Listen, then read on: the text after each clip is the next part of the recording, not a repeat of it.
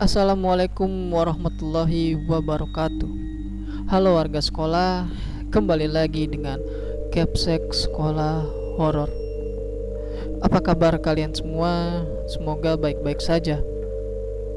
Di kelas sekolah horor kali ini menceritakan tentang Bangku kosong bagian ke-1 di mana kejadian horor yang dialami penulis di tempat bimbelnya dimulai dengan bergeraknya sebuah bangku kosong.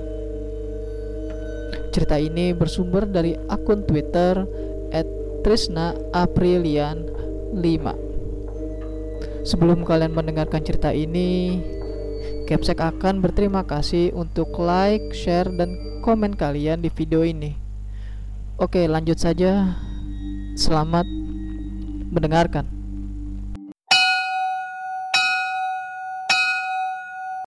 Assalamualaikum warahmatullahi wabarakatuh. Perkenalkan, aku Trisna. Kadang juga dipanggil Nana.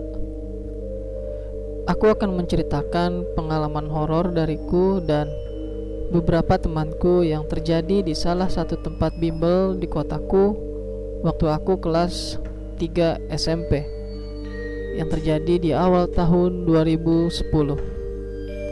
Dan seperti biasa, nama dan lokasi akan disamarkan demi kenyamanan bersama. Semester genap di kelas 9 membuatku sibuk dengan persiapan ujian nasional atau UN. Pendalaman materi di sekolah yang wajib diikuti oleh semua siswa kelas 9 kurasa belum cukup untuk bekal lulus UN dengan nilai yang memuaskan. Bukan hanya itu saja. Setelah lulus UN, aku juga harus mengikuti tes tulis masuk SMA.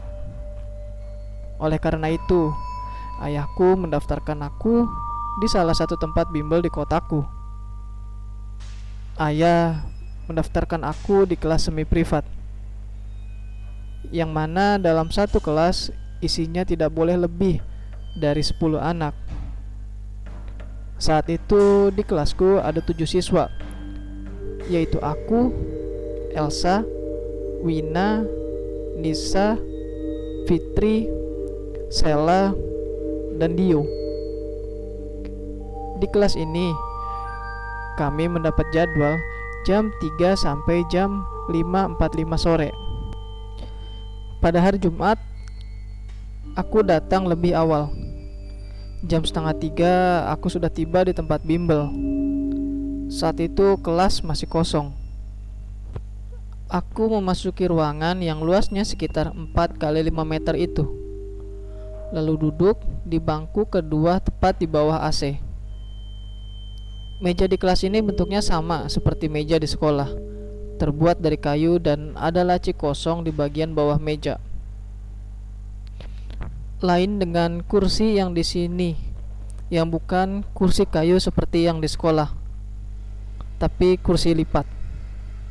Pasti kalian tahu ketika kita duduk di kursi lipat seperti ini atau pas kursi ini digerakkan akan ada suara kayak crack crack gitu. Wow it is nice kataku sambil mengimbaskan rambut dan menikmati sejuknya angin dari AC. Kebetulan cuaca hari itu sedang terik. Tiba-tiba ada suara kursi lipat.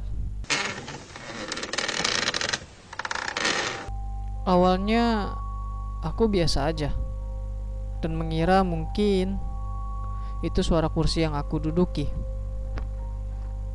Aku masih tetap menengadahkan muka menghadap ke AC dan menikmati udara dinginnya.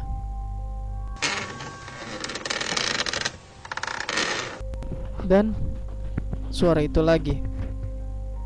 Baiklah, kali ini aku yakin suara itu berasal dari belakang. Aku menoleh ke asal suara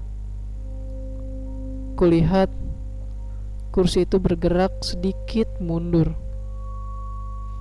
Aku menarik nafas panjang, terpaku. Kuucap basmalah lalu aku lari keluar dari ruangan. Pada saat aku keluar kelas, ada salah satu OB yang melihatku dia bertanya, "Ada apa, Mbak? Kok keluarnya buru-buru ngono?" Anu, keceblokan cicak, Mas. Aku kaget. Atau artinya, anu kejatuhan cicak, Mas. Aku kaget. Aku tidak ingin memberitahunya apa yang aku lihat barusan. Aku tidak ingin dibilang mengada-ngada karena ini masih hampir jam 3 sore. Oh alah. Oh iya mas Aku mau beli minum Ya kalau gitu Langsung aja ambil di cooler Terus bayar langsung di kotak sebelahnya mbak Oh, oke. Okay. Kukira bayarnya ke emas. Aku berjalan menuju showcase cooler yang ada di samping musola. Ku ambil teh botol dan ku masukkan uang ke dalam kotak di samping cooler. Aku duduk di kursi depan front office sambil mengatur nafas. Sekalian menunggu teman-temanku datang. Beberapa teguk teh menyegarkan kerongkonganku. Tak lama kemudian Dio dan Elsa datang. Loh Tris, datang jam berapa kamu? Tanya Dio. Setengah tiga, jawabku. Semangat banget sih. Kelas pasti masih sepi pas kamu datang. Kata Elsa. Iyalah sepi.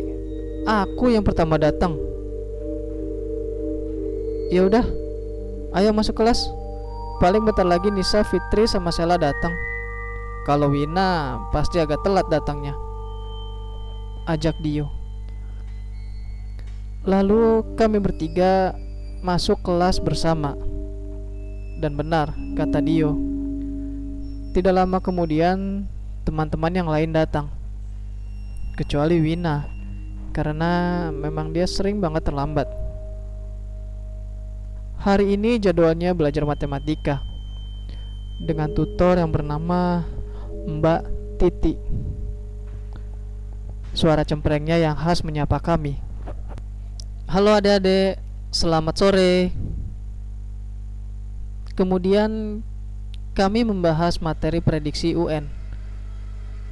Dan Setengah jam kemudian Wina masuk kelas.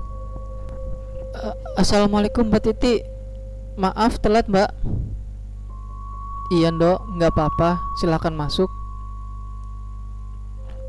Wina duduk di bangku tepat di depan kursi kosong yang bergerak tadi Aku cuek saja karena sudah ada beberapa orang di kelas Kupikir itu cukup untuk membuat hantu atau apa pun yang ada di situ menunda keusilannya. Tapi nyatanya tidak. Karena saat Mbak Titi baru saja selesai menjelaskan penyelesaian soal bab relasi dan fungsi, tiba-tiba Wina berlari ke depan menghampiri Mbak Titi. E, mbak, Mbak, itu kursinya sambil menunjuk kursi belakang. Kenapa dek? Ada apa? Kursinya yang itu gerak sendiri mbak Loh Masa sih? Enggak ah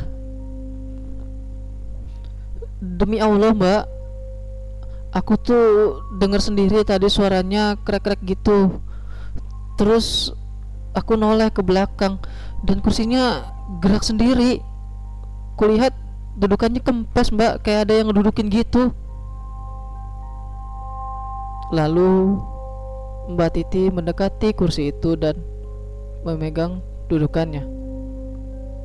Tiba-tiba beliau berteriak lalu berlari keluar kelas. Sontak. Kami semua juga berteriak karena takut dan kaget mendengar teriakan Mbak Titi. Kami berhamburan keluar kelas dan teriakan kami terdengar oleh semua orang yang ada di bimbel. Anak-anak SD yang berada di kelas sebelahnya pun bertanya, "Ada apa, Kak? Kok teriak-teriak gitu?" "Gak apa-apa, Dek. Cuma ada tikus lewat tadi, kita kaget." Jawab Nisa. Dia sengaja berbohong agar mereka tidak takut.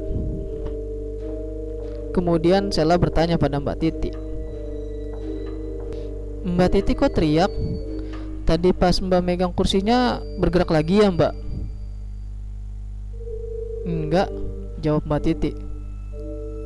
Lah, terus kenapa teriak? Apa Mbak lihat hal-hal yang aneh? Nggak lihat apa-apa sih, aku cuma takut aja, jawab Mbak Titi. Ya elah mbak, gerutu kami bersamaan.